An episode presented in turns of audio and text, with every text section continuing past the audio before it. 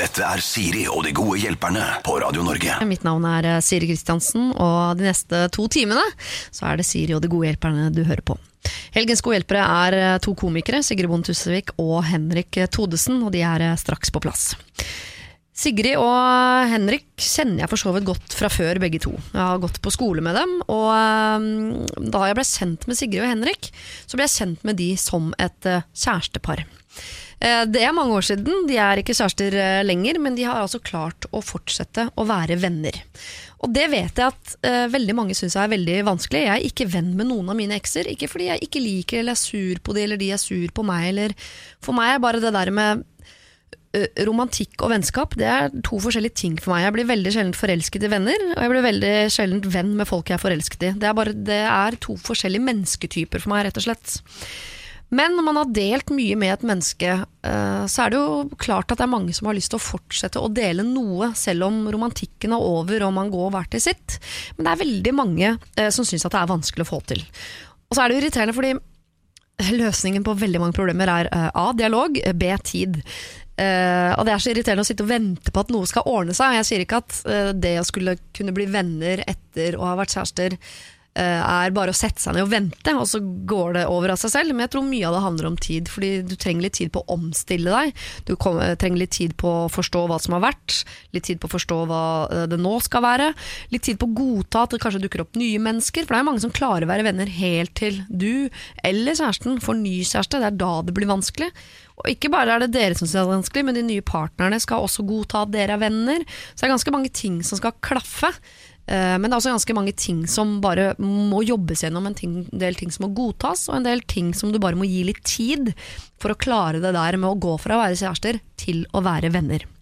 Jeg får det ikke til, men straks får vi altså to, eh, to gode eksempler på at det kan gå an. Så hvis du er en av de som skulle ønske du fikk det til, eller som sjøl har fått det til, så må du gjerne dele det, eller sende det inn som et problem til meg. Eh, Vi er her til 11 i dag, og fra 9 til 11 i morgen. Siri Alfakrøll, radionorge.no er adressen du bruker. Siri og de gode hjelperne. Sigrid Bonde Tusvik og Henrik Todesen, god dag. God dag, hei, hei. Eh, Dere skal få slippe å, for det har dere sikkert gjort tusen ganger, snakke om den uh, særlighetshistorien deres, oppturer og nedturer. Uh, men dere har jo vært sammen eh, før. Nå er dere venner, og det jeg lurer på er hva er nøkkelen til? For det er veldig få som får til, å være venner etter at man har vært kjærester. Har dere noe råd og tips der? Nei, det, nøkkelen til det er å være pottesur veldig lenge. Snakker du om Eh, Sigrid nå? Jeg snakker om jeg, jeg, Ja. Du kjenner ja. Og så, eh, da når det har vært pottesul lenge nok, så eh, blir du sammen med bestevennen til han eksen din. Da ordner det seg. Som den ultimate hevn, på en Ja, måte? Da går det bra, for da, da, da blir alle jekka litt sånn ned. Ja, for da har man så nulla er ut det- hverandre. Da, da nuller man ut liksom alt skyld og sånn etter hvert. Hæ? Ja, det var Men det var jo unødvendig. kjempelurt! Det var lurt. Ja, ja. Og så er det jo lønns, lønner det seg jo også å være venner før man blir sammen. Fordi hvis man, vi, Jeg tipper at vi kanskje ikke hadde vært venner hvis vi bare hadde blitt sammen, og så ble det slutt. Da hadde vi ikke, ja, hadde vi ikke vært venner. Nei. Så det lønner seg å kjenne hverandre fra man er to år. ja. Ja, for dere bygget særligheten på vennskapet, Ja, og så gikk særligheten tom. Og så Ikke for meg, jeg elsker Henrik høyt fremdeles. Ja. En av de høyeste altså, Ikke spør meg om topp følelser, tre. du vet. Skal ikke spørre om følelser. Det vet eh, folk at jeg eh, Og det er veldig sårt, så det kan ikke jeg snakke om, Fordi da blir Martin jeg, som. Han, jeg- han jeg bor med og elsker. Dette kan jo fremstå som noe ironisk, og bare for eh, på en måte, at ikke det skal bli for vondt for Martin, som er din um, ektemann, Sigrid. Eh, Hvis folk kan du bekrefte mer- at ikke det, det er ikke en hevnaksjon fortsatt? Nei. Nei. Det at du er sammen med Martin. Nei. Det er noe kjærlighet inni Det er for der. å få ha Henrik rundt seg. Ja. Hvis dere trenger mer eh, dypdykk inn i denne, Relasjonen. denne relasjonen, kan dere sikkert høre på Ida Fladen sin podkast med Sigrid sin og min sin. Så skjønner Ja, vi- dere mer hvordan vi er som mennesker. Og har dere vært der hver for dere Ja, og da, ja. har utlevert eh, hverandre? Mm. Uh, jeg, jeg, jeg har ikke snakket så mye om deg, jeg, faktisk. Jeg Jo, snakker litt. bare om deg Ja. alltid. I alle intervjuer og overalt hvor jeg er. Ja. Dere skal få slippe det i Skriv en bok om det. Tipper den er skrevet, ja.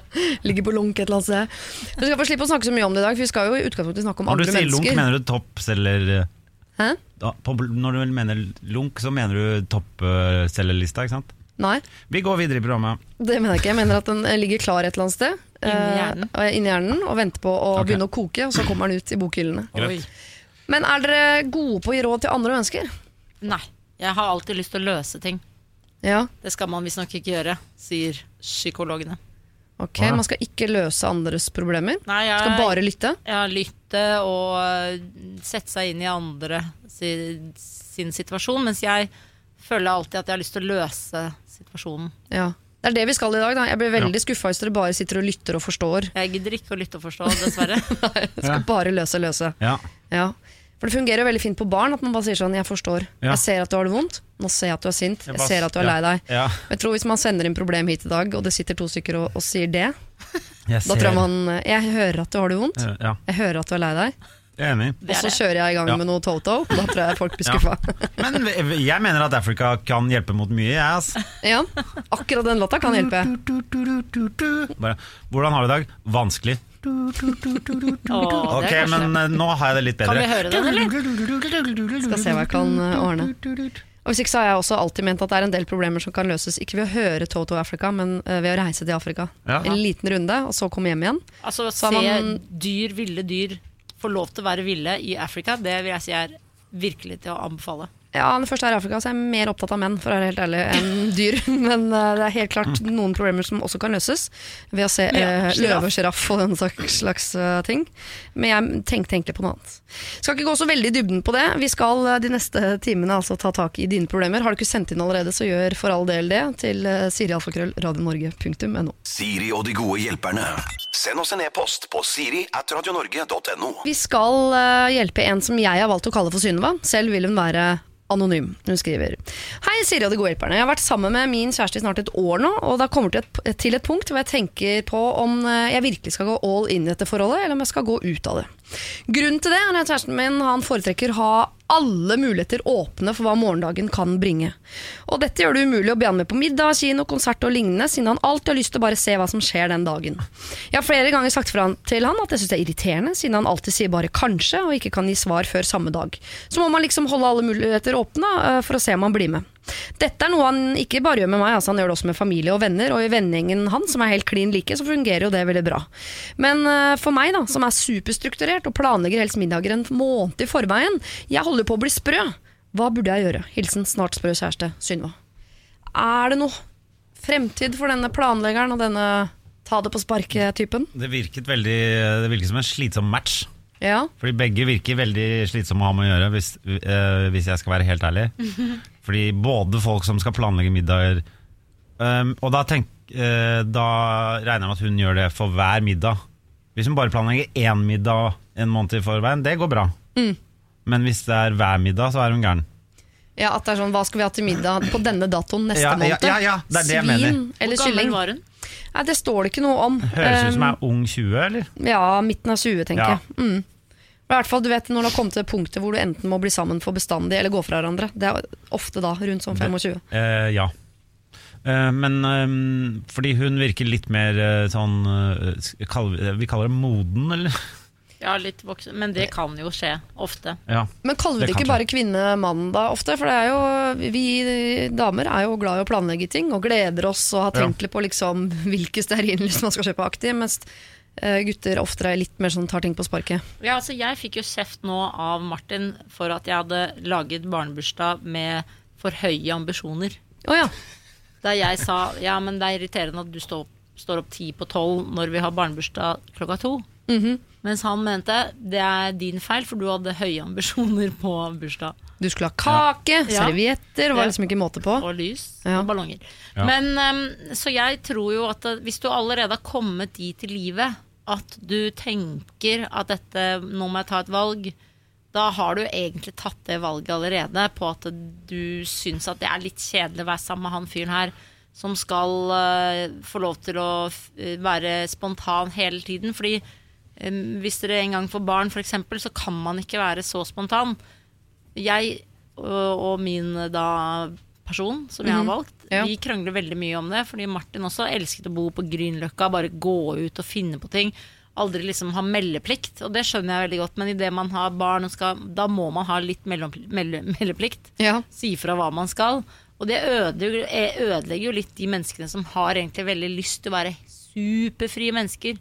Så Ja. jeg tenker jo at øh, hun har nok egentlig inni hodet sitt tatt et valg på at eh, Jeg syns i hvert fall hun kanskje da må prøve å eh, si at eh, vi bør kanskje gjøre det slutt hvis det skal være sånn at du Altså hun må liksom lufte faktisk rett og slett den tanken til han. Jo, men hvis du sier at sånn som uh, Hun er jo på uh, Hun virker litt mer litt foran i løypa på ting. Ja. Uh, men det kan jo hende at han kommer dit. Hun kan vel vente det ut også? Nei. Jeg tror Jeg bare følte at uh, ut fra hvordan ting var formulert, så skjønner jeg ikke hva hun likte med han. Ja, men er du enig? Det var liksom bare sånn Han er bare sånn Sånn kan det jo være litt når du snakker om Martin.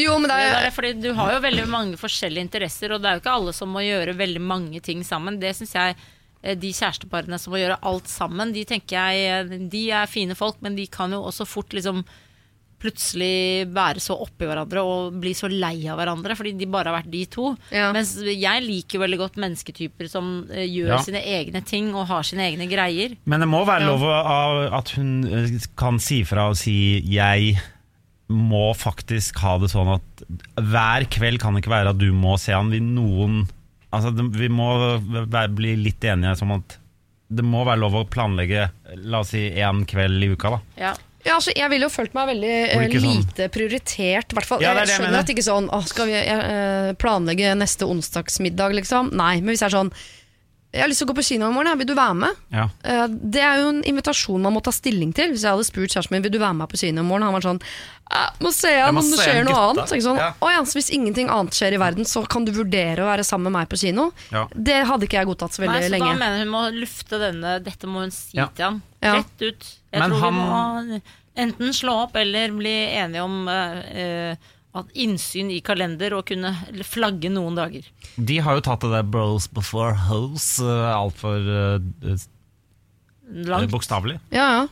Men da, eh, så dere har ikke noe troa på at han Jo, han kan endre seg hvis Sunniva tar det opp med han og er litt streng med han. Ja. Og da må han få lov til å prøve å endre seg. Hvis han klarer det, så kan det gå bra. For, altså, folk er jo sammen med folk som har andre politiske partier, andre religioner. Ja, ja, ja. Altså, man burde jo klare dette. Ja, men, Men du det- må ikke jobbe med å endre et menneske veldig mye Fordi da tror jeg du ødelegger det, det bør du ikke Da bør du heller finne en annen som er likere deg Ja. Enn at du skal forandre et menneske, en mennesketype For mennesketyper er mennesketyper dessverre Ja. Og da blir det plutselig Da blir du værende med han Får barn med han, gifter deg, holder på Så bare boom, så blir du skilt plutselig i en alder Ja. av 47 Fordi han var sånn Jeg mistet meg selv jeg Ja. føler meg i et fengsel, og så burde det, den klokka burde ringe når du var 27. Ja. Synva, jeg beklager. Det er- virker ikke som det er noen her som har veldig troa på at dette her kommer til å gå veien. Her høres det litt ut som du allerede egentlig har tatt et valg. Det høres ut som du ligger litt foran han i løypa i forhold til modning. Ja, det høres ut som dette her er Hvis det irriterer deg nå, så kommer det til å bli enda mer irriterende på sikt. Så du får ikke endret han. Dette er hans mennesketype. Så eneste uh, løsningen på dette er egentlig uh, å få barn. Så hvis du er så langt fram i løypa at du får med deg han på det der få barn-greiene, så ja, da gjør dere det. Hvis ikke så høres det ut som du må finne en fyr som er litt likere deg. Siri og de gode hjelperne. Radio Norge. Vi skal ta et problem fra uh, antageligvis uh, våre yngste lyttere her på kanalen. Uh, vi skal til en uh, som heter uh, blant annet Bea. Eh, det En som heter blant annet Bea. Nei, Har hun flere navn, eller? Nei, Det nei. går ikke, Siri. Hun heter bare Bea, men det er flere mennesker involvert i Bea? problemet. Bea, det er en film! Altså, dette Ja. blir bedre og bedre. Eh, men det er ikke Bea som har sendt inn problemet. Bea er bare et, eh, et menneske i problemet. Her kan ikke bare lese mailen, så skjønner alle hva jeg mener. Ja, ja, Blant annet Bea. Ja. Det er en jente i klassen, kall henne Bea. Hun har over lengre tid hatt et slags friends with benefits-forhold med en gutt i klassen som heter Chris. Bea har snakket åpent om dette med vennene sine og mange flere, uten at det var noe Chris var så interessert i at skulle komme ut. Så nå har Chris da laget en eh, bruker hvor han utgir seg for å være Sebastian på 17. Eh, hvor han da chatter med Bea for å finne ut av hvor lett hun snakker om deres forhold med fremmede folk. Problemet er at alle bortsett fra Bea vet om dette. Hun går rundt nå og snakker om hvor fantastisk denne Sebastian er, viser meldinger og føler seg helt fantastisk. Og jeg har fått streng beskjed av andre om å ikke si noe til henne. Men jeg får så vondt i magen av å være vitne til, uh, til dette. Hun er kanskje guttegal, ja, uh, som deler for mye om alt og alle, men fortjener hun dette, da? Eller er det en- bare en lærepenge? Samvittigheten min får vondt. Hva tenker dere? Hilsen Lykke. Lykke og Bea får Lykke fine Bea. Lykke, Bea, Chris og Sebastian er med i dette problemet Det Høres ut som en episode av Skam. Det gjør jo det. det, gjør jo det. Nei, eh, Penetrator Chris må skjerpe seg. Altså, jeg tenker jo at dette er eh, Jeg heier på eh, Lykke, Mm. som sier at bare Bea fortjener ikke dette. Fordi nå er jo jeg et sånt menneske som også heller ikke holder på hemmeligheter. Det vet jo begge dere to, som Mhm. kjenner meg fra før av. Men fordi jeg syns nemlig ikke sånn hemmelighet er en, en veldig hemmelighet. Så at hun bare Bea må få lov til å si at hun driver og eh, har seg litt med Chris. Dette er jo bare et problem de første, de første fem årene man driver og har seg. At man liksom ikke skal si det videre og sånn. Ja. Et- Etter at folk har drevet og hatt seg eh, sånn generelt Ja. eh, i sånn fem år, så snakker man bare med alle om det hele tiden. Det er jo det man sier sånn 'Ble det noe på deg i går?' eller Det er jo bare sånn hele tiden. Ja, I noen år der er det det, ja. Ja, så jeg, jeg er Så det er bare i begynnelsen at det er litt sånn Hvorfor skal hemmelighetskremmeri. Sebastian være så veldig nøye på hva er det han er så veldig redd for? At eh, Ja, men det Da vil han er ikke jo være sammen unge med Bea. mennesker. Du vet jo hvordan eh, det er. Da du lå med Jonas Hage og sånn, det var jo litt flaut sikkert for han, eh, det òg. kan hende. Kan du drive og snakka med alle om det der? Er det ikke, ja, men, ikke sant? Det kan hende han bare ok, det, Ja, men det må man tåle. Det er jo to mennesker, så begge to må få lov til å gjøre hva de vil. Men du trenger ikke å straffe Straffe Bea med Nei. å lage sånn eh, skjult profil som skal finne ut hva slags eh, menneske hun egentlig er. Hvor kjip er du? Og du maler deg selv inn i et hjørne som blir bare kjipere og kjipere. Jeg syns Lykke skal si det. Lykke skal bare si vet du hva, du vet at han Sebastian er Chris, og det er ikke noe hyggelig, men samtidig Chris er sikkert livredd for at du skal fortelle noe om Fordi penis Ja, for det er ganske, det er ganske mye her som er litt ja. uh, stygt, egentlig. Det Ja, at men- alle går rundt og vet, bortsett fra Bea, Ja, er jo ganske men stygt. Ja, ikke sant? Det, men det er to ting her. Den ene er Ok, det er to stykker som har ligget sammen sånn. Hun ene forteller om det. Det er døvt for han andre, men det er ikke noe sånn Det er ikke noe ulovligheter. Men å la, det er jo konspirasjonsgreier. Gå og lage falske profiler, og det er jo sånn Det er jo svindel og Ja, hva skal fanteri, han på en finne måte. ut, liksom? Og det er, er det så veldig Ja. hyggelig å gjøre? Det er mye verre, det, ja. Nei, og hun står jo for hvert fall det hun driver med. Jeg tenker Det eneste jeg liker med det, eller det jeg liker best med det problemet her, er at jeg føler at rollen er snudd litt på hodet. Det er en jente og en gutt som har ligget sammen. Han er sånn hysj-hysj og lager falske profiler for å finne ut av ting og sånn, mens hun er mer sånn som går og forteller det til folk. Jeg driver og ligger med Chris i klassen. Det er hun litt stolt av, syns det er kult. Ja. Jeg skjønner ikke hvorfor Mm. Sebastian eller Chris her er liksom så flau over at han Kanskje ligger han med er Bea. drite Er det fordi han er Er det fra sånn- forskjellige gjenger? Har, Er det, han sjekka, har hun sjekka oppover, på en måte? Er det det? Det er han flau? Er det ja, noe men tenk, hvis, du er flau, Da hvis du er flau over noen du ligger med, så må du slutte å ligge med dem. Ja, det er samme som ja, men hallo, velkommen til verden, da. Ja, jeg vet Det det. der kalles lørdag kveld. Ja. Hele Men jeg syns jo, jeg syns jo eh, at uh, her er Bea og Lykke egentlig Lykke er inne på noe, hun bør si det til Bea. Ja. Og da må Lykke vite at da står du for uh, tyste Da er du tysteren, Ja. men da har du fulgt hjertet ditt, og du skal alltid følge hjertet ditt. Du kommer aldri til å angre på at du tenkte det der er ikke noe bra. For du merker umiddelbart inni tarm og lever at eh, det der var ikke noe bra.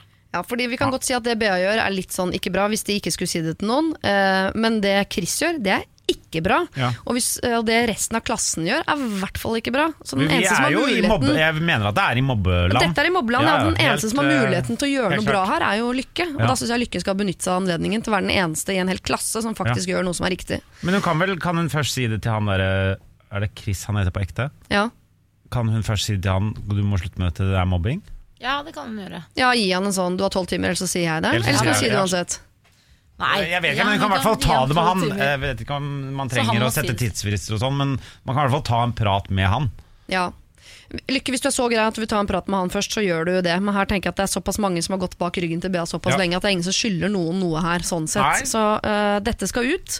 Bea skal få vite at Sebastian er Chris, og Lykke, det er din oppgave. Siri og de gode hjelperne. Vi skal til et uh, venneproblem, hvor innsender har kalt problemet noe som jeg vet at mange er opptatt av. Hvordan fade ut et vennskap. Jeg og min venninne kall henne Mathilde har kjent hverandre i 15 år, men vi har aldri vært spesielt nære i mine øyne. Men det er ikke gjensidig. Mathilde inviterer meg på 17. mai som en av de fire nærmeste. Hun inviterer meg på turer med familien, telttur, og vi vil gjerne treffes for kaffe eller middag flere ganger i uka. Jeg takker nesten alltid nei til hennes invitasjoner om å møtes, men Mathilde er veldig pågående, og hun fortsetter å spørre selv etter femte avslaget. Hver gang vi treffes, bruker hun to tredjedeler av tiden på å snakke om sine nyeste flammer. Den resterende tiden går med til å snakke om dietter og klær, noe jeg overhodet ikke finner interessant. Og så spør hun meg hvordan jeg har det, men med en gang jeg starter å prate, så har hun sona fullstendig ut. Det er likevel sånn at de gangene jeg, Mathilde og de andre fire nærmeste samles, så er det veldig hyggelig. Jentene er venninner av Mathilde, og det føles unaturlig at vi skal møtes uten henne, og jeg vil gjerne fortsette å se henne og de andre i gruppa, men forholdet mitt med Mathilde sånn én til én, det vil jeg gjerne fade ut. Men hvordan får jeg til det, da? Kall meg gjerne ghosteren og venninnen min Mathilde. Hvordan skal ghosteren klare å ghoste bare en én del av vennskapet til Mathilde? Én-til-én-delen. Det er vanskelig. Det virker, det virker som hun holder på med det. Ja. Hun holder jo på med det. Det er jo det hun driver med det. Det er jo bare hun andre som Aktiv ghoster. Ja. Ja. Nå vet jeg ikke helt hvordan hun andre Hva, øh, hva, hva, het, hva het hun andre? Mathilde. Mathilde er hun som er pågående og vil være venn. ja, og så har vi ghosteren. Men, og, ja, men man vet jo ikke helt hvordan Mathilde Det kan jo hende at hun er sånn med, med alle. At hun bare egentlig er sånn Det er noen som ikke har liksom ordentlige venner, at bare man er litt sånn rundt omkring. Ja. Det må være lov. Det må være lov. Eh, øh, og Kan kanskje hun, hun egentlig ikke legger så mye i det. Virker liksom som hun, det ikke er så nøye for henne. Av Mathilde.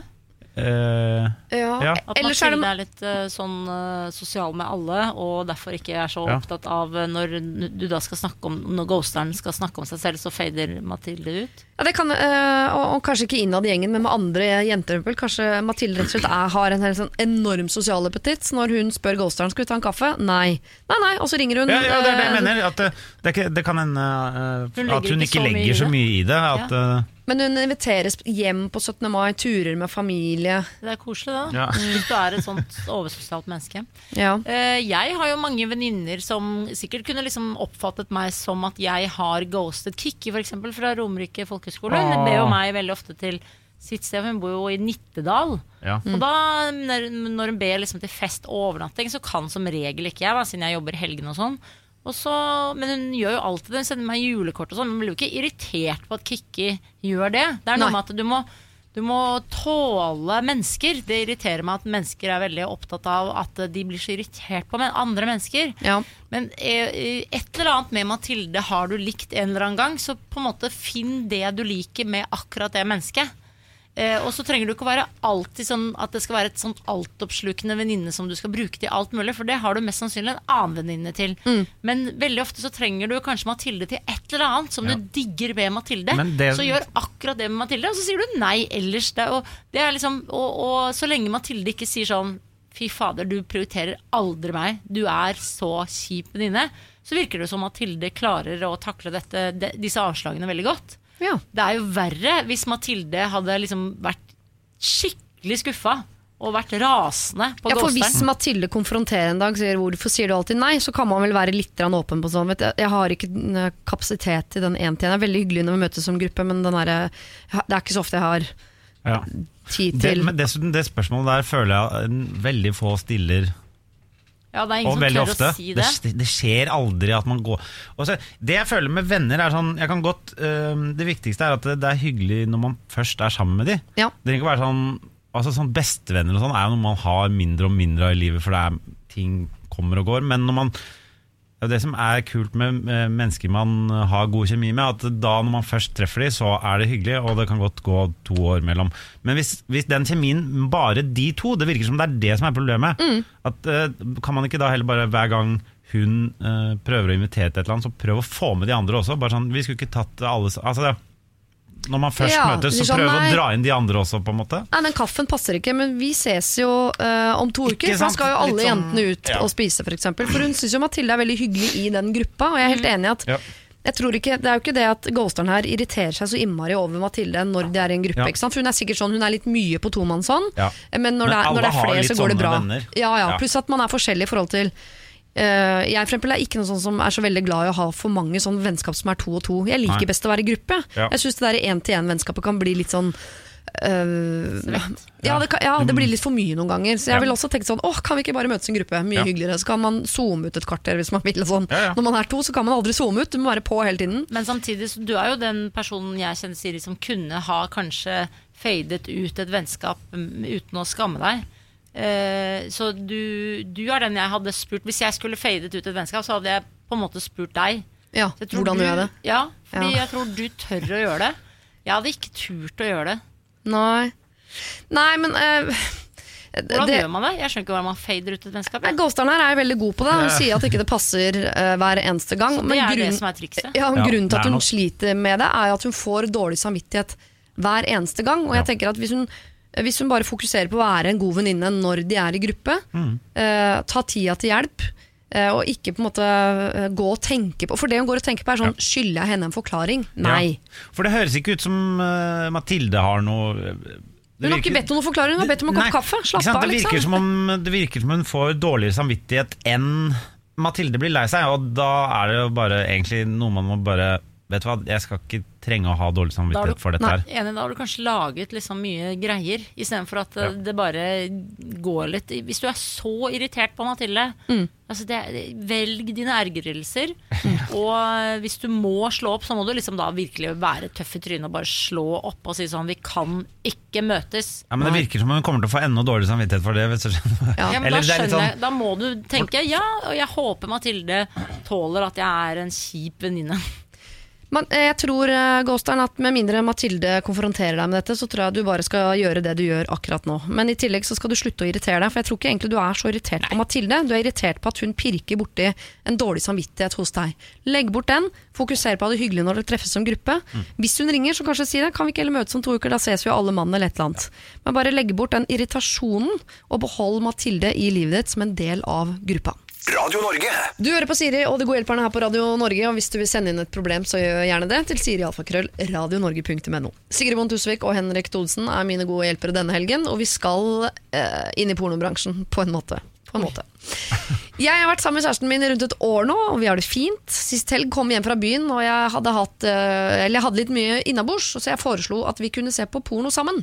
Kjæresten min var litt skeptisk til det, men jeg sto på mitt, og jeg ville høre hva han pleide å se på. Til slutt så føyet han seg, og han ba meg søke på Ebony, som er pornonavnet for mørke kvinner. Jeg startet å se på en video, men jeg ble helt satt ut. Altså, Jeg liker lys som et laken, og disse kvinnene så jo ikke det grann ut som meg. Jeg hadde sett for meg at de kanskje kunne få litt inspirasjon til å sprite opp sexlivet av denne pornoen, men å være svart er simpelthen helt umulig for meg å få til. Jeg endte opp med å bli ganske lei meg og usikker på hvorfor han i hele tatt er sammen med meg. Uh, han sa det ikke betydde noen ting, men jeg sliter med å få det ut av hodet. Hva skal jeg gjøre? Hilsen lys som et laken. Oi. Ja, Altså, men dette, dette er vel må man ikke gjøre. Nei, Hva da? Se. Foreslå det der. Nei, men vi, man må vite, Hvis man foreslår det, så må man i hvert fall eh, vite at det Jeg vet ikke om det har noe med, med noe virkelighetsbasert å gjøre i det hele tatt. Man kunne jo snudd det og, eller tenkt sånn Ok, hvis det var eh, kjempe Henge i kroker og bli pisket opp ned med, fra en knullehuske, Ja. så hadde hun jo kanskje hatt problemer med det, det òg. Ja. Ikke vel, bare at det var eh, ebony. Det er vel generelt ganske mye inne på sånn pornosites du tenker at det der er vanskelig for meg å få til. Ikke Men, i- men jeg tenker, ok, la, eh, hvis jeg skal sette meg inn i hans uh, I hans situasjoner også, så tipper jeg at uh, når han sier til henne Ebony, så har han sikkert filtrert ut en fire-fem andre først. Tror du ikke det? Som, er, som hun hadde syntes vært enda verre. Ja, Tror du ikke det? Dwarf uh... At han bare Han er litt sånn Ok, jeg må bare finne noe uh, også noe som øh, Ok, jeg kan ikke gå for det jeg egentlig vil her nå. For det, kan ikke gå for hund. jeg kan ikke gå for Tre menn.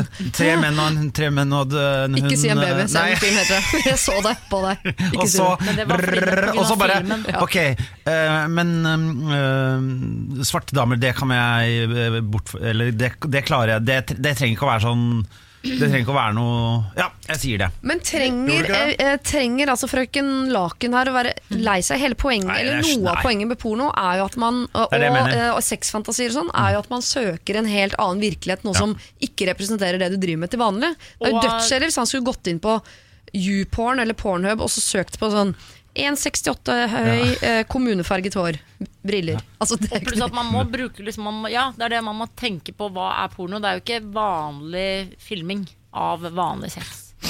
Det er veldig sjelden det er eh, kjempekjedelig Er det ikke jeg, er ikke jeg er ikke så god på porno.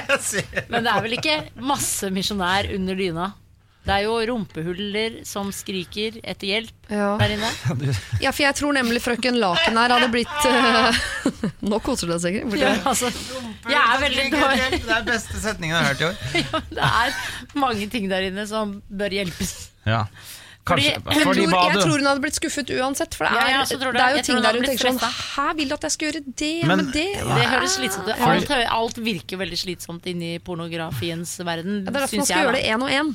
Ja, pluss at jeg eh, har ikke blitt så veldig ofte kåt av porno, så jeg er, bruker ikke det aktivt i livet mitt. Men jeg tror jo at uh, hvis hun hadde liksom fått tittet inn i hodet til kjæresten sin, Ja. så hadde hun jo blitt like skremt av uh, Hvis han hadde bare verre. fortalt fantasien ja. sin da, uten å si Ebony og gå inn der på den siden, Mm. så hadde hun jo tenkt sånn! Nei, det, jeg, Jeg er vil et- av. Jeg er bare et laken. Uh, sorry. Jeg Ja. er frøken Laken. Jeg kan ikke det, jeg, Ingenting av dette kan jeg, tror jeg. Det er en du grunn til at man skal- tåle at folk har fantasi. Og, og han liker jo deg for det. Det er jo ikke sånn Nei, jeg liker ikke, jeg liker ikke deg som menneske. Han er jo sammen, er, de Ja. er jo sammen, er de ikke? Jo, jo, jo. Ja. Ja. Så, Og eh, det man gjør i virkeligheten og det man fantaserer om, det er jo eh, det er to helt forskjellige verdener. Du, jeg ville vært nesten jeg tror Ja. nesten jeg har blitt mer bekymra hvis eh, mannen min satt og så på porno med folk som ligna på meg. Ja, det var- sånn, er- da hadde jeg tenkt sånn, du er jo helt gæren. Ja. Hva, hva, Ja. da hadde jeg tenkt sånn, Det der kan jeg jo by på. Det gjør jeg, altså, hva er det som er gærent med meg? Hvis Du vil ha Du vil jo tydeligvis ha meg, men Mm. men dette er jo en sjanger. Dette er jo som å sette ned Skal vi se på en film, og så Å ja, du vil se på drama? Jeg trodde du var mer sånn Action-Frank. humorperson, jeg. Fordi jeg pleier jo å prøve å være morsom, men du vil tydeligvis bare ha sånne trist, Gråtefilm. triste gråtefilmer. Når Ja. jeg prøver å være morsom til vanlig. Ja ja, nå ble jeg veldig usikker på meg selv her, da. Ja, det er det. Du må, du må liksom du den la sammenligningen eh, der? Var den Jeg god? har sett? Var den pris på at han eh, var, eh, turte å være litt ærlig. Da. Det er mange som ikke har lyst til å fortelle noen ting om, om seg selv. Ja, og det Og var hun som presset på med dette her også. Hun ville at de skulle se på porno Og at hun sammen. nå må knaske betakaroten. eh, Med mindre, med, mindre hun er kjempe, med mindre hun er kjemperasist, da, for da går det jo mot mye av det hun tror på som menneske. Da skjønner jeg det bedre. Ja, nei, Da blir det vanskelig. Da er det Det vanskelig. Da må du slå opp med en gang. Ja, Men hvordan skal hun få dette ut av hodet? Jeg tenker Hvis hun skal få det ut av hodet, så må hun jo fylle hodet sitt med noen andre eh, bilder som hun vil ha der. da Av bestemoren sin. Er det Ja, det vil jeg tro er mer uh, forstyrrende. Men uh, ja, hun vil jo ha disse bildene ut av hodet, fordi det som skjer framover nå, da når uh, frøken Laken her ligger med kjæresten sin, er at hun bare ligger og tenker sånn Jeg skulle vært sort, jeg skulle vært sort, jeg skulle vært sort. Men det er mange av oss som har lyst til å være sort. De Ja. er overmennesker og ser fantastiske ut. Jeg skulle gjerne vært sort, jeg. Ja. Hele tiden. De ser tøyte ut og alltid heit ut og jeg drømmer alltid om å være sort, Ja. Når jeg Ja. ser et sort menneske, tenker jeg bare fy faen, dere er så digge, digge folk. Det er jo lov å si det. Det er lov å si Eller er det. ikke det lov å rose svarte folk lenger?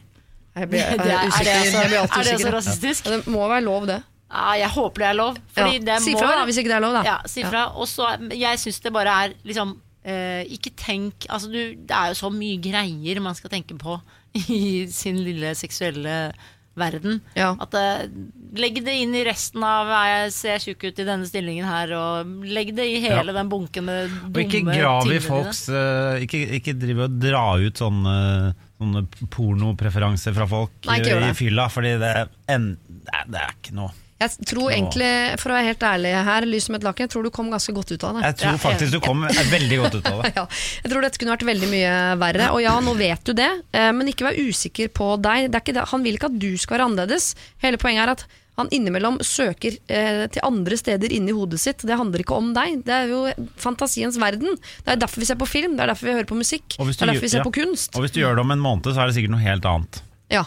Ikke sant? Det er bare Ikke gå inn i den loggen. Nei. Ikke gå inn i den loggen. Stol på at han liker deg, at det er deg han vil ligge med. Og så var dere bare en liten tur innom eh, fantasiens verden. Eh, det skal dere nok ikke gjøre igjen. Siri og de gode hjelperne. Radio Norge. Vi skal rette blikket litt grann bakover til eh, den eh, helgen 9. og 10. mars, hvor Solveig Kloppen og Silja Nymoen var her sammen med meg og var mine gode hjelpere.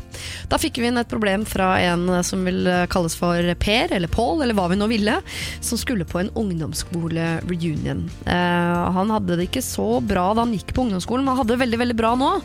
Han var usikker på om han skulle dra på denne festen, for han visste ikke om han kom til å klare å vise hvor bra han nå hadde det, eller om han kommer til å falle tilbake i gammelt mønster og bare være den han eh, var før. Altså en utrolig sjenert og litt sånn flue på veggen-person eh, som han var da han gikk på ungdomsskolen. Han hadde ikke så stort behov for å dra, men samtidig så han på det som en mulighet eh, for å ta et slags oppgjør med fortiden. Skal få høre litt hva Solveig og Silja mente kunne være lurt. den beste motivasjonen for å dra på en reunion er jo at du gleder deg til å se de andre igjen. Er Det ikke den gjør- beste motivasjonen til alt Jo. av moro og hygge, Ja, ikke, liksom? ikke sånn Ikke hevn. Ja, ikke hevn. Jeg har vært på noen sånne reunions, eh, og det ender ofte med at Eller jeg føler jo at man fort bare går tilbake. Er den samme som man var for 10 eller 20 eller 40 år siden, da, så for, for min Ja. del. Du er mye som barnehageblunder, hvor du begynner å leke med spade og sand og sånn. Jeg, jeg er rett i snekkerbuksa og begynner å slå folk i huet med spade. selv om man tenker sånn Å, nå skal jeg komme tilbake, så skal jeg være litt sånn mørk og mystisk. Um, Du tenker at du skal det? Hva skjer da, Solveig? Kroppen Så, og så kommer jeg tilbake, og så blir jeg full og rødsprengt. Ja, men gjør det noe om han kommer tilbake på For det var jo ikke noe sånn eh, I og med at det ikke var noen sånn eh, Ja, han har ikke gode minner. Men det var var- ikke noe forferdelig, eller han ble mobba. Eller? Det er jo bare jeg- at han var sjenert, nå er han ikke det. Så det er ikke sånn om du er sjenert en kveld til i livet ditt, så er det ikke noe sånn Det kan hende at det er et steg videre. At han, han, at han klarer å liksom se at oi, at, han, at det blir en sånn Sorry, nå avbryter jeg deg. Ja. Eh, At han eh, da, hvis han drar dit, da, at han ser hvor mye han har vokst. Kanskje? Ja. At han kan være sånn oi. Jeg er ikke enig med dere. Jeg tenker at det er en dårlig idé. Greit, da skal han få lov til å dra, men da må man bare tenke at ok, jeg er jo i denne gjengen er jeg kanskje fortsatt han sjenerte fyren. Jeg det tror ikke han må ha forventninger om noe annet. Men da Og alt er- annet er bonus. Alt er annet er bonus, Ja, og så ja. kan jeg stå i det. Det gjør meg ingenting, for jeg har et annet liv nå. Så Ja. det gjør ikke noe om jeg er han sjenerte fyren. Dette var altså noe av det Solveig Kloppen og Silja Nymoen mente at eh, kunne være lurt å gjøre her, i forhold til om man skulle gå på reunion eller ikke. Vil du høre hele, så må du laste ned podkast fra 9. og 10. mars. Fått ny mail hvor det står her eh, Hei igjen, jeg ble litt overrasket over hvor fort jeg fikk svar på problemet mitt, men utrolig gøy at det ble tatt opp. Selve festen skjer ikke før til sommeren, men etter å ha hørt dere snakke om problemet for eh, andre gang nå, så har jeg bestemt meg for å ikke dra. Til tross for at dere egentlig sendte meg, da. Dette fordi det ligger og kverner i hodet, og det at hjelperne var såpass usikre på om det kom til å ha noe for seg å dra. Siden det er såpass lenge til, og at behovet for å dra er såpass lite, så dropper jeg hele greia og finner heller på noe gøy med de jeg faktisk er glad i, og de jeg bryr meg om. Jeg er en ganske pragmatisk person, så jeg kommer ikke til å tenke så mye mer på dette, ja. Tusen takk for hjelpen, jeg digger dere og hører på hver uke. Eh, vi sender et handlenett handlenett, denne Per Pål eller Espen eller hva vi nå har lyst til å kalle han. Eh, og det er ikke bare fordi han er eh, heldig, sånn som Askeladden. Det er fordi at alle dere som sender oss tilbakemelding på hvordan det går etter at dere har fått hjelp, enten om dere brukte hjelpen eller ikke, dere får et eh, handlenett fra Siri og de gode hjelperne. Eh, Så send inn problemet ditt, men send nå også inn tilbakemeldingen din hvis det er sånn at vi har snakket om problemet tidligere, til sirialfakrøll.radionorge.no. Radio Norge. Før eh, jeg slipper dere løs på nye problemer, så må dere ta stilling til et dilemma jeg har laget til dere. Rett og slett. Bare for å bli litt varme i trøya. Dagens dilemma er dere må velge mellom å aldri mer ha ferie eller aldri mer jobbe. Er det etter det? Altså aldri mer jobbe. Du velger aldri mer jobbe? Hvordan er, det, jobbe. hvordan er pengesituasjonen? Nei, det, det, ikke tenk på det. Nei, ja, skal- Vil ikke jobbe da? Nei, vil ikke jobbe. Er det så lett Jeg trodde dere var veldig glad i å jobbe begge to. Jo, jeg er det. Ja, Men jeg er gladere i å ikke jobbe. Ja. Men Blir det ikke kjedelig Jo, jeg vet hva, jeg, jeg blir gæren av å ikke jobbe, men uh, For jeg klikker etter noen dager Ja, etter ja. jobb. Da blir ikke jeg god å ha med å gjøre. Men, hvis jeg, hadde, men jeg, tror, jeg tror det hadde vært hvis jeg hadde bare visst nå at eh, Å ja, jeg skal ikke jobbe, for da hadde, jeg bare, da, da hadde jeg bare begynt å gjøre andre ting. Hva hadde du begynt med da? Klatre. Klatre hele tiden.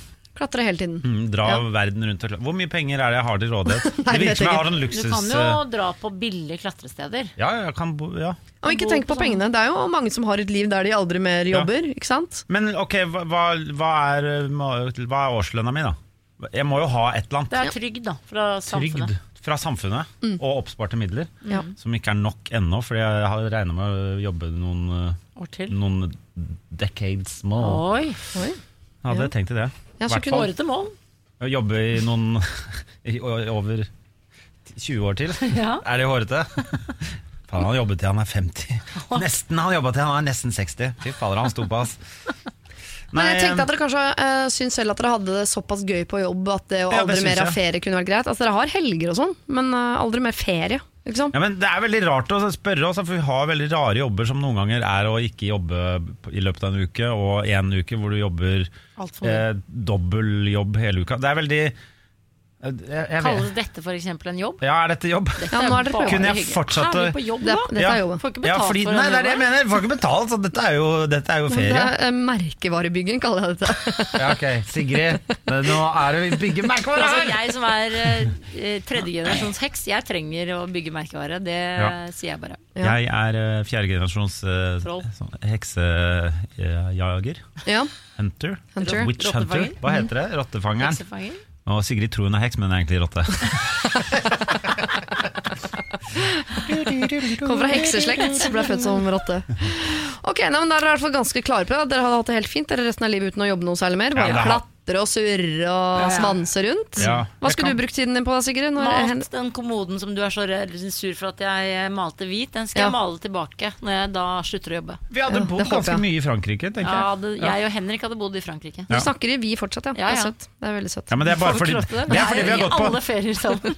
Jeg sier vi når det bare er meg òg. det Det lærte jeg av Sigrid Bonde-Tusvik og Westerdals. At, Ja. man, at man skal ikke være sånn meg, meg, jeg, jeg. Så jeg sier alltid vi? ja, vi skal gjøre dette. Og så skal du si ja til alt. og det er veldig problematisk, fordi nye folk man møter, skjønner ikke når man sier vi at man bare mener jeg. Så de bare ja, men jeg skal jo ikke være med på dette, det er bare du som skal gjøre det. Jo, jo, men jeg sier vi om Har du lært meg. av Sigrid Vondt Tusvik å ikke være som meg, meg, meg, jeg, jeg, jeg? Det Ja. stemmer Ja, jeg er veldig egoist? Jo, men, ja, men hør da. Hun er det, ja. Ja. Men i talemåten, sånn at det virker som om hun ikke er det, så sier, sier hun vi. Ja.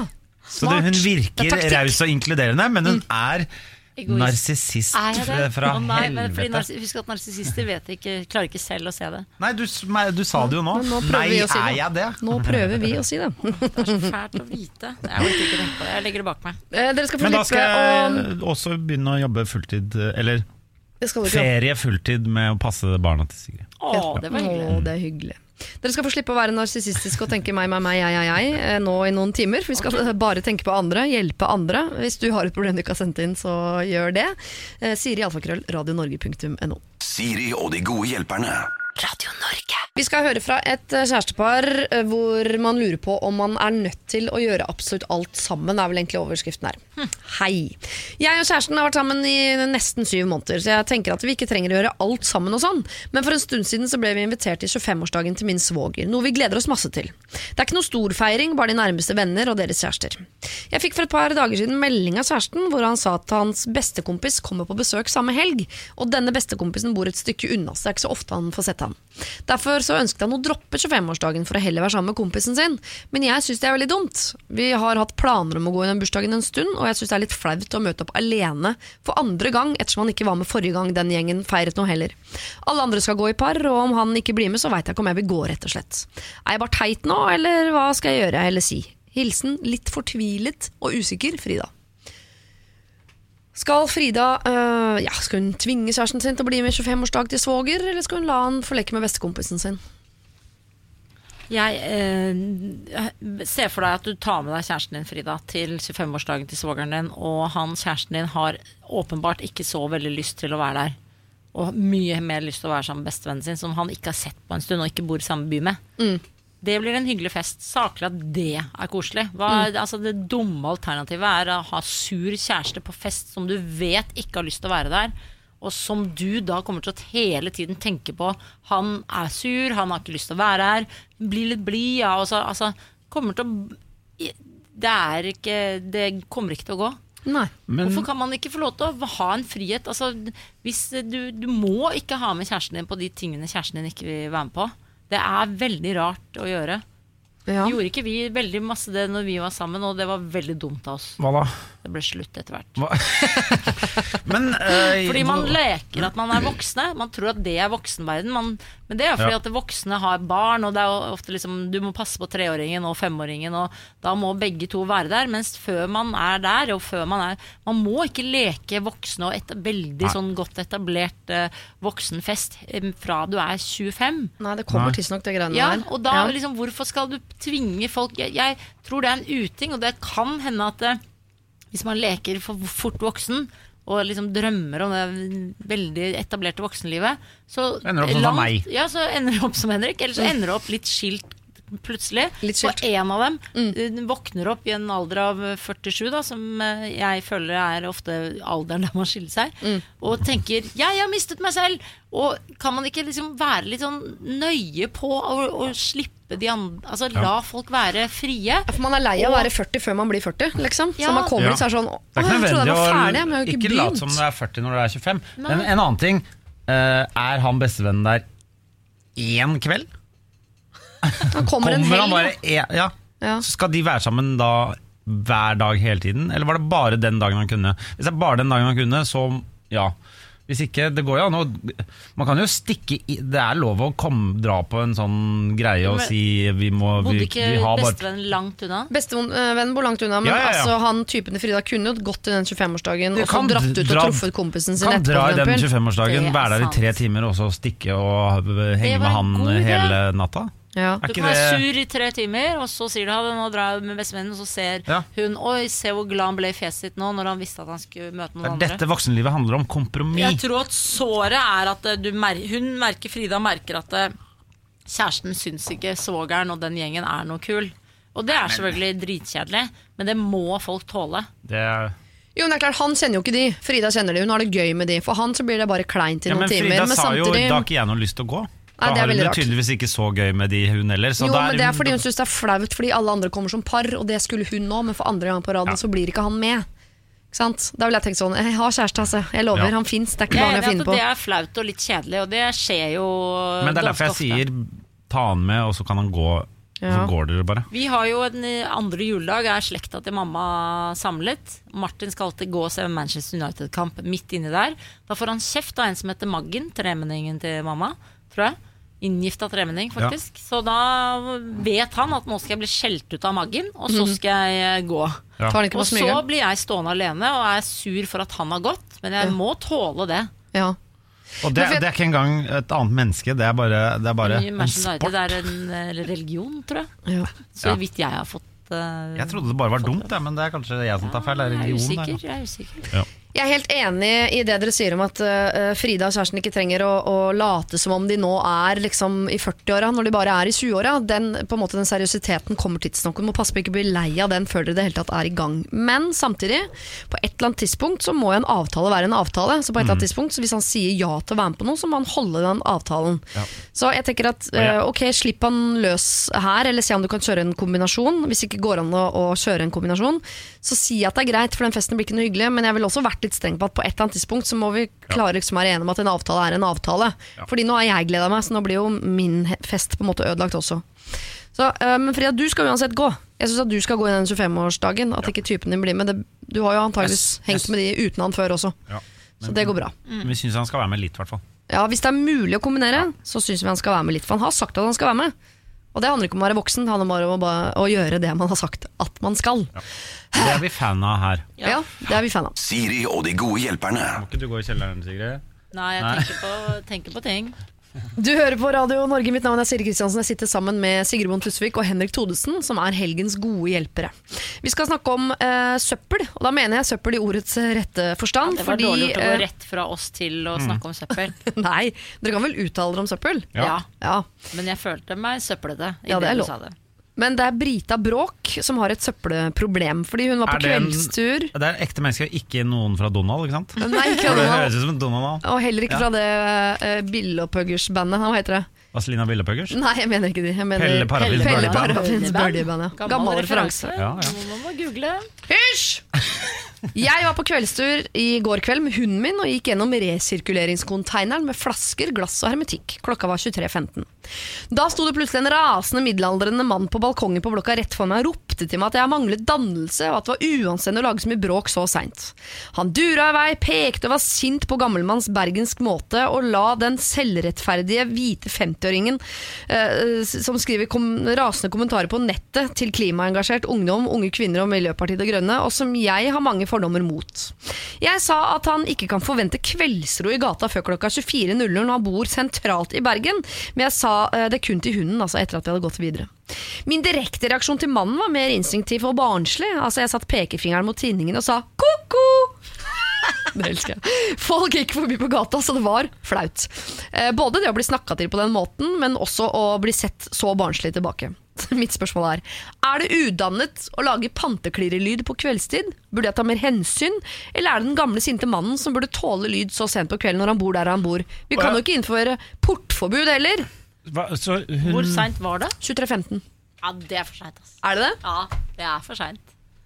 Ja, fordi sentralt. Jeg mener, I alle, alle mulige sånne sammenhenger så er det 23.00, aldri 24.00. Det skal være stille Det det. mellom 23.00 Er det ikke 22? og Nei, det er 23. er Stort sett 23 23 i hvert fall. og 7, 6 eller 7 ofte. Okay. Men hva, hva var det Hun kastet flasker i Flasker, glass og hermetikk. Det er den søppelen Ja. som bråker absolutt mest. da Ja, ja. Ja, ja. Jeg føler her nå Kvart over elleve, 11, var det det? Ja. Ja. Du, Beffa, du har såpass ironi på at du er bråkete. Altså, finnes, ja, bergensere er jo bråkete i utgangspunktet som mennesketyper. Men se for deg da, Brita, at du får resirkuleringscontaineren din utenfor ditt vindu. Mm. Eh, og har den lyden hver dag hele tiden. Ja. Utenfor, rett utenfor ditt vindu. Så er jeg allerede ganske sur for at jeg var den som trakk det loddet der. At jeg fikk resirkuleringscontaineren rett i fleisen. Ja. Og den skal jeg høre resten av mitt liv.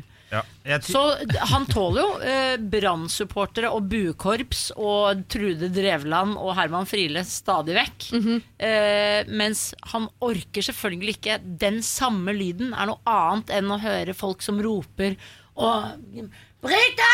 Brita! Ja. jeg- jeg- jeg tror ikke- Handling foran ord! Ring Ta frem telefonen og ring meg, som de sier i Bergen. Ja. Mye. Så jeg tror Er du ikke enig, Henrik? Jo, jeg tror ikke det handler om at hun bråkte der og da. Jeg tror at uh, han Han er- drittlei av å bo ved siden av den greia, og at folk eh, sikkert hver dag kaster ting der midt på natta. Og derfor så 23 bør være en huskeregel for folk generelt, men jeg mener at folk kan ikke være bo i sentrum og si sånn Ikke rop på gaten! Fordi det må folk lov til. Folk må, men hvis du står og roper hver dag samme ting hele tiden, som er den lyden Ja. han har, Ja. hele tiden, døgnet rundt, så må det, man få lov til å si fra. Eller en rumener som romfolk som spiller saksofon. Folk vet jo hvor gal man blir av det. Ja. Så Fordi- det var kanskje litt urettferdig for Brita, som fikk på en Ja, måte mange år med Ja, irritasjon helt over seg. Fordi nå må du huske på at Jeg husker da på Bekkelaget Da det kom sånne igloer Så synes jeg det var veldig gøy Hver gang jeg gikk forbi de Gå ned i, ta flasker og stå og knuse de For jeg synes det var veldig gøy å knuse flasker Så da sto jeg bare der og kastet flasker og bråkte og. Ja, men ikke sant Han har jo bodd ved siden av, av sånne som meg Som er der hver kveld klokka tolv Og så kommer tilfeldigvis hun her, Brita Bråk. Brita Bråk. dro flaskene ut av konteineren og kastet de på bakken? Ikke på bakken, men inni der og Knuste de inni der Så du Jeg- hentet de ut og Ja, Hvis det var liksom eh, høyt nok med flasker, så tok jeg, så jeg om det var. Og jeg syntes det var veldig gøy å få lov å knuse flasker inni der. Det skjønner jeg veldig godt. Men dette Jo, det er, jeg altså, jeg er så glad generasjon prestasjon har kommet. De som sier det, de det syns jeg blir for dumt for meg. Jeg går hjem og gjør lekser, jeg liker foreldrene mine, jeg røyker ikke hasj. Ja, Ja, og så kommer det en dag hvor det snapper fullstendig for dem, og så må de knuse briller, ikke sant? Ja. fordi det har gått for langt. Eh, Men Brita Bråk, det var, Erne føltes nok urettferdig at han skjelte ut deg, og det var flaut fordi folk så på, bikkja så på, alt at det var flaut. Ja. Og det var unødvendig, og det var mye, og det var på bergensk og alt det der. Eh, Men å kaste eh, den søpla som bråker absolutt mest, etter klokken 11 om kvelden, et eller annet sted må vi sette grensa. Og du dessverre bomma med et kvarter. Og det er noe med individets tid. Altså din rett til å kaste. Jeg må gjøre det akkurat nå. Det er noe med, Folk må begynne å bruke litt fellesskapstankegangen, selv om den ikke fins i genene dine. Bare lat som den fins, og Ja. tenk. Ta litt hensyn. Det er lettere for deg å ta hensyn til han ved å ikke kaste søppel, enn at han skal ta hensyn til alle som har lyst til å kaste glass etter klokka 11 om kvelden. Det er et regnestykke som ikke går opp. Men han er jo også sånn som sier fra. Vi, Ja, vi hadde jo aldri sagt fra. Ja, Ellers så har han ikke sagt fra før nå. Det klikka for ham fullstendig. Han har Ja. syv år og ikke sagt fra, og Ja. så var det Brita som fikk det. Det vet vi ikke. Ja. Men han kan roe seg ned på kommentarfeltene. Det kan hun rope tilbake. Dette er Siri og de gode hjelperne på Radio Norge. I Want It All uh, Queen har vi altså hørt, og så skal vi høre Meredith Brooks sin Bitch. Men mellom der så har jeg lyst til å lese opp et problem for deg. Og dette problemet det får du ikke høre løsningen på eh, akkurat nå, eh, men problemet i seg selv er så komplekst og så langt at jeg må bare lese det i sin helhet nå, og så skal du få løsningen etterpå. Hvis vi har en løsning, og det er litt opp til Sigrid Bonde Tusvik og Henrik Todesen. Akkurat nå skal dere bare eh, ta fram penn og papir rett og slett, og notere de tingene dere føler at dere får brukt for, når det er dere som skal være med å løse dette problemet. Fordi Eh, Det er en jentegjeng, og det som er rart er at dette problemet her har jeg fått inn eh, to versjoner av. Altså ikke to forskjellige versjoner, to helt like versjoner. Jeg har fått den samme mailen to ganger, men fra to forskjellige jenter, som da tydeligvis er i den samme vennegjengen. Eh, og det de to har sendt inn er altså følgende. Hei dere. Vi er en jentegjeng på fem i begynnelsen av 20-åra. Fire av oss er nære venner, men den ene skiller seg veldig ut. Dere kan kalle henne Laila. Kort fortalt oppfører hun seg som om hun er eh, 16 år gammel, og grunnen til at vi ikke har kuttet henne helt ut av livene våre, er at hun er ressurssvak og trenger oss til alle livets gjøremål. Altså skaffe leilighet, dra til legen, finne jobb, lage mat. Vi vet derfor at hun ikke vil klare seg så bra uten oss. Vi har nå planlagt å feire 17. mai sammen i år, som i fjor, men vi vet at vi koser oss ikke sammen med henne. I fjor snakket hun blant annet høylytt og detaljert om sex blant folk hun ikke kjenner fra før, som selvfølgelig finner dette meget ubehagelig. Kjæresten hennes er like ille, og de ender fort opp med å begynne noe som ligner et slags foreplay, gjerne da mens de andre er til stede. Alle andre inviteres til 17. mai i år med følge, men uh, at hun skal ha med seg typen sin, det er helt uaktuelt. Vi vil kose oss, og vi vil ikke være barnevakt for en full 16-åring som ikke klarer å oppføre seg. Selv om vi tar det opp med henne gang på gang på en ordentlig måte, så er det alltid hun som blir sittende igjen som offer og som går rett i forsvar. Vi mener jo selv at vi har gjort vårt aller beste for å være gode venner som stiller opp, men nå har vi blitt drittlei alle sammen, og vi orker ikke å legge mer energi i det. Så, og her kommer problemet. Skal vi invitere henne til den store dagen, eller skal vi la det være? Hun vil da mest sannsynlig ikke ha noen andre å feire med, og i så fall, hvordan skal vi si at typen din, han kan ikke komme.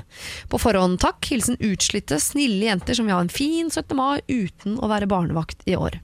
Altså Her er det to mulige veier å gå. De vil enten at hun ikke kommer i det hele tatt, denne venninnen, eller så sier de at ja, du kan komme, men du kan ikke eh, ta med deg kjæresten din. Alle andre kan ta med seg kjæresten sin, men du kan ikke ta med deg kjæresten din.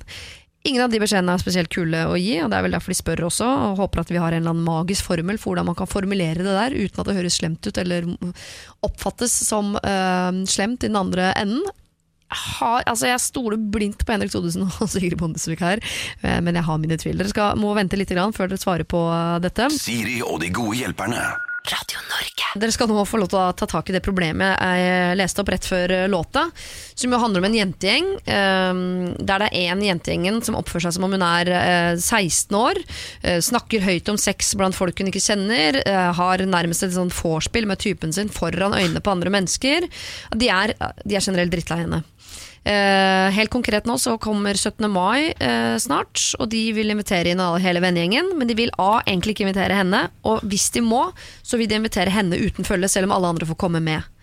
Lar det seg gjøre, spør jeg. Og hva er mest humant? Ikke invitere noen, eller invitere henne uten typen? Jeg ville Oh, det er vanskelig. Det er kjempevanskelig. Ja, det er vanskelig. det er vel nesten sagt vi, vi eh, Ja, ikke inviter noen. Dropp 17. mai. Det er så Det går ikke. Jeg synes sånne Jeg- problemer er de vanskeligste. For Ja. vi har lyst til å ha det gøy. Det blir ikke gøy når du er der. Ja, Men ingen liker henne. Hun er jo tydeligvis Jeg skjønner ikke hva de Nei, Det er jo en gammel venninne, da. Ja. jo, men Det er gamle venninner de, de, de havner jo i fengsel, de òg, på en måte. De er, altså, de er jo forferdelige, de òg. Ja. Bare fordi å, vi, vi, foreldrene våre bodde i samme nabolag, så da må vi fortsette å henge sammen. Ja. Jeg skjønner ikke det. En del av meg sånn, vet du hva, Hvis dere er venner, så må dere på en måte bare godta at folk er annerledes. Ja, Hvis hun gjør ting som er flaut, så er det flaut for henne. La det gå-aktig. Men samtidig er det sånn at de har sagt fra til henne gang på gang, og hun slutter altså hun Ja. øh, klarer ikke å oppføre seg. Så tenker jeg da må, hun- da må vi gå litt hardere til verk, så må hun få en lærepenge. I år, neste år, kjempehyggelig hvis du kommer på 17. mai. I år tenker vi at du trenger en pause, for den oppførselen din i fjor, den orker vi ikke. Og så tenker du sånn, Er oi shit, det får konsekvenser. Nei, de møtes sikkert ellers òg. Men det er, litt sånn, det er sikkert sånn dag hvor det er mange som møtes, andre venner. Ikke sant? Alle har pynta seg. Mm. Det er litt sånn Jeg, som vi eh, holder på. Ja, det er det. Vi Ja. holder jo på sånn, men Ja. um, du har jo fryst ut fra den Jeg frøs 17. mai ut, fordi du fikk barn. Ja.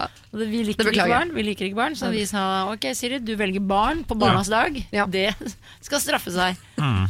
Nei, men for jeg tenker jo at um, uh, uh, Fordi vi har jo ofte fester der det liksom der det alltid er sånn 'Å, nå kommer den personen', og jeg har jo sikkert veldig ofte oppført meg ufint på fest også, i 20-åra. Ja. Og vært den vanskelige. Gråt veldig mye.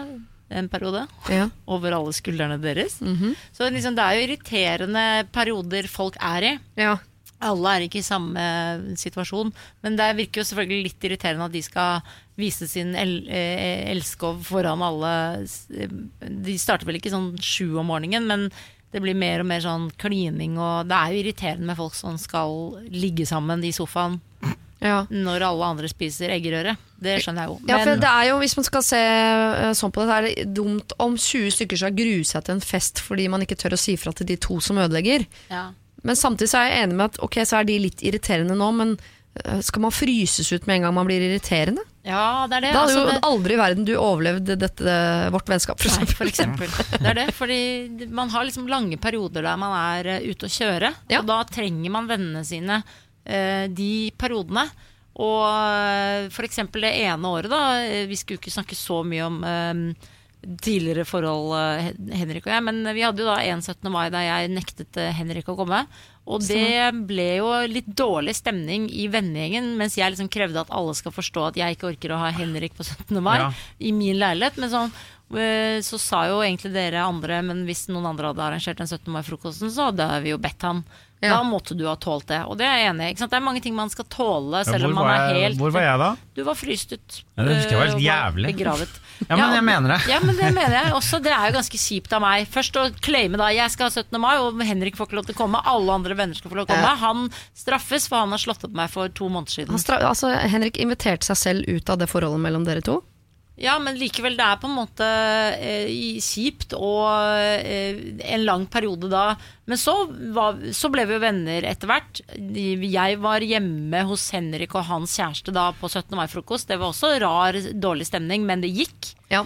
Og eh, jeg oppførte meg sikkert ufint da etter hvert når jeg begynte å bli drita, og var ufin og frekk i kjeften og ikke noe hyggelig.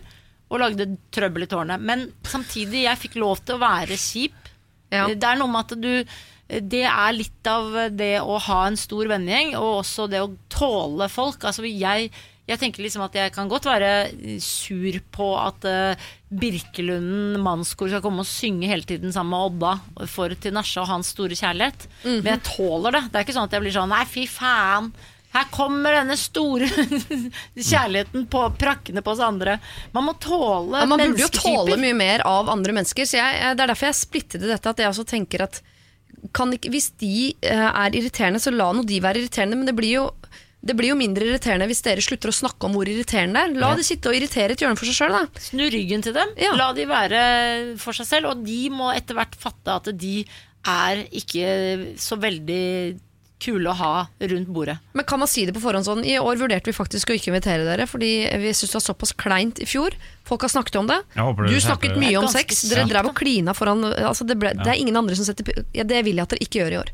Det ville aldri hatt Hvis jeg hadde fått beskjed før en fest om at i fjor var du helt ubrukelig, så hadde jeg ikke kommet tilbake og sagt sånn Følg med nå! Wow! Like man- ubrukelig som i fjor! Kunne man avtalt et ord hvis man sier til hun venninna Ok, nå Stoppord? i det, ja, Ja. Stoppordet vårt er i vår vennegjeng, så nå har vi prøvd å si fra til deg mange ganger. Og det er mange andre Michigan, som reagerer, Michigan, Michigan! mange andre som reagerer på at dere er veldig på hverandre, og det blir rar stemning. Vi er mange som gjerne skulle ligget sammen eh, foran alle, men mange av oss oppfører oss. Ja. Så eh, Ja. kan vi ha et ord idet dere begynner å bli ufine, sånn at jeg, din beste venninne, la den nærmeste venninna, da, for Ja, eksempel si det, så sier jeg det ordet, som da er Michigan, Ja. og når jeg sier Michigan, så betyr det at nå begynner det å bli irriterende her. Ja, Kunne Så det vært en løsning? det tror jeg er en løsning. Hun er invitert, men hun må få et stoppord. Vi lager et stoppord. eh, gorilla, banana, Michigan. Lag et stoppord til denne venninnen. Det er, som er den ubehagelige Det høres oppgaven ut her. som de har masse stoppord ellers også. Det er bare Ja, Kanskje de har det fra før. Spør, spør hva de har i skuffen. Men det er jo dessverre sånn at det er en som må ta på seg denne ubehagelige oppgaven. Det er jo deg da, som har sendt inn. Du må snakke med denne jenta eh, før 17. mai og si ok, dere kan komme i år også. For det syns vi egentlig at man må tåle. Man må tåle mer av at mennesker er annerledes. Eh, Men da må dere si fra at akkurat de tingene der syns vi er litt kleint, så det vil vi ikke at dere gjør i år. Hvis dere hører meg si gorilla eller Michigan, så slutt å tafse. Eller ta, da tar dere en liten pause. Gå ut på verandaen, ta dere en sigg. Ro dere ned. Eller gå hjem. Ja, eller gå hjem. Det er Eller, lov å eller se på det som Du er invitert, men du må gå hjem når eh, det blir fire Michigan. Ja. Men det er greit at det er litt flaut, men det, det høres jo litt morsomt ut òg. Det- Hvis dere bare snur litt på situasjonen, så virker det som det egentlig er masse underholdning. Men tenk hvis det er dritirriterende mennesketyper som alle er bare sånn Åh, går, Så det blir umiddelbart dårlig stemning i hele gruppa. Ja. Da, Men det blir litt det man har bestemt seg for at det er også. Så, ikke sant? Det kan være gøy, eller det kan være irriterende. Så det er litt med holdninger holdningen man tar med seg man skal være hyggelig mot folk Ja. generelt. Og så må dere ikke vanære bunaden da, dere. Jeg bare sier Jeg kødda, Henrik. Syns man skal være kjip. Siri og de gode hjelperne. Lørdag og søndag fra 09.00 på Radio Norge. Du hører på Radio Norge. Mitt navn er eh, Siri Kristiansen, og det er på tide at jeg tar helgen.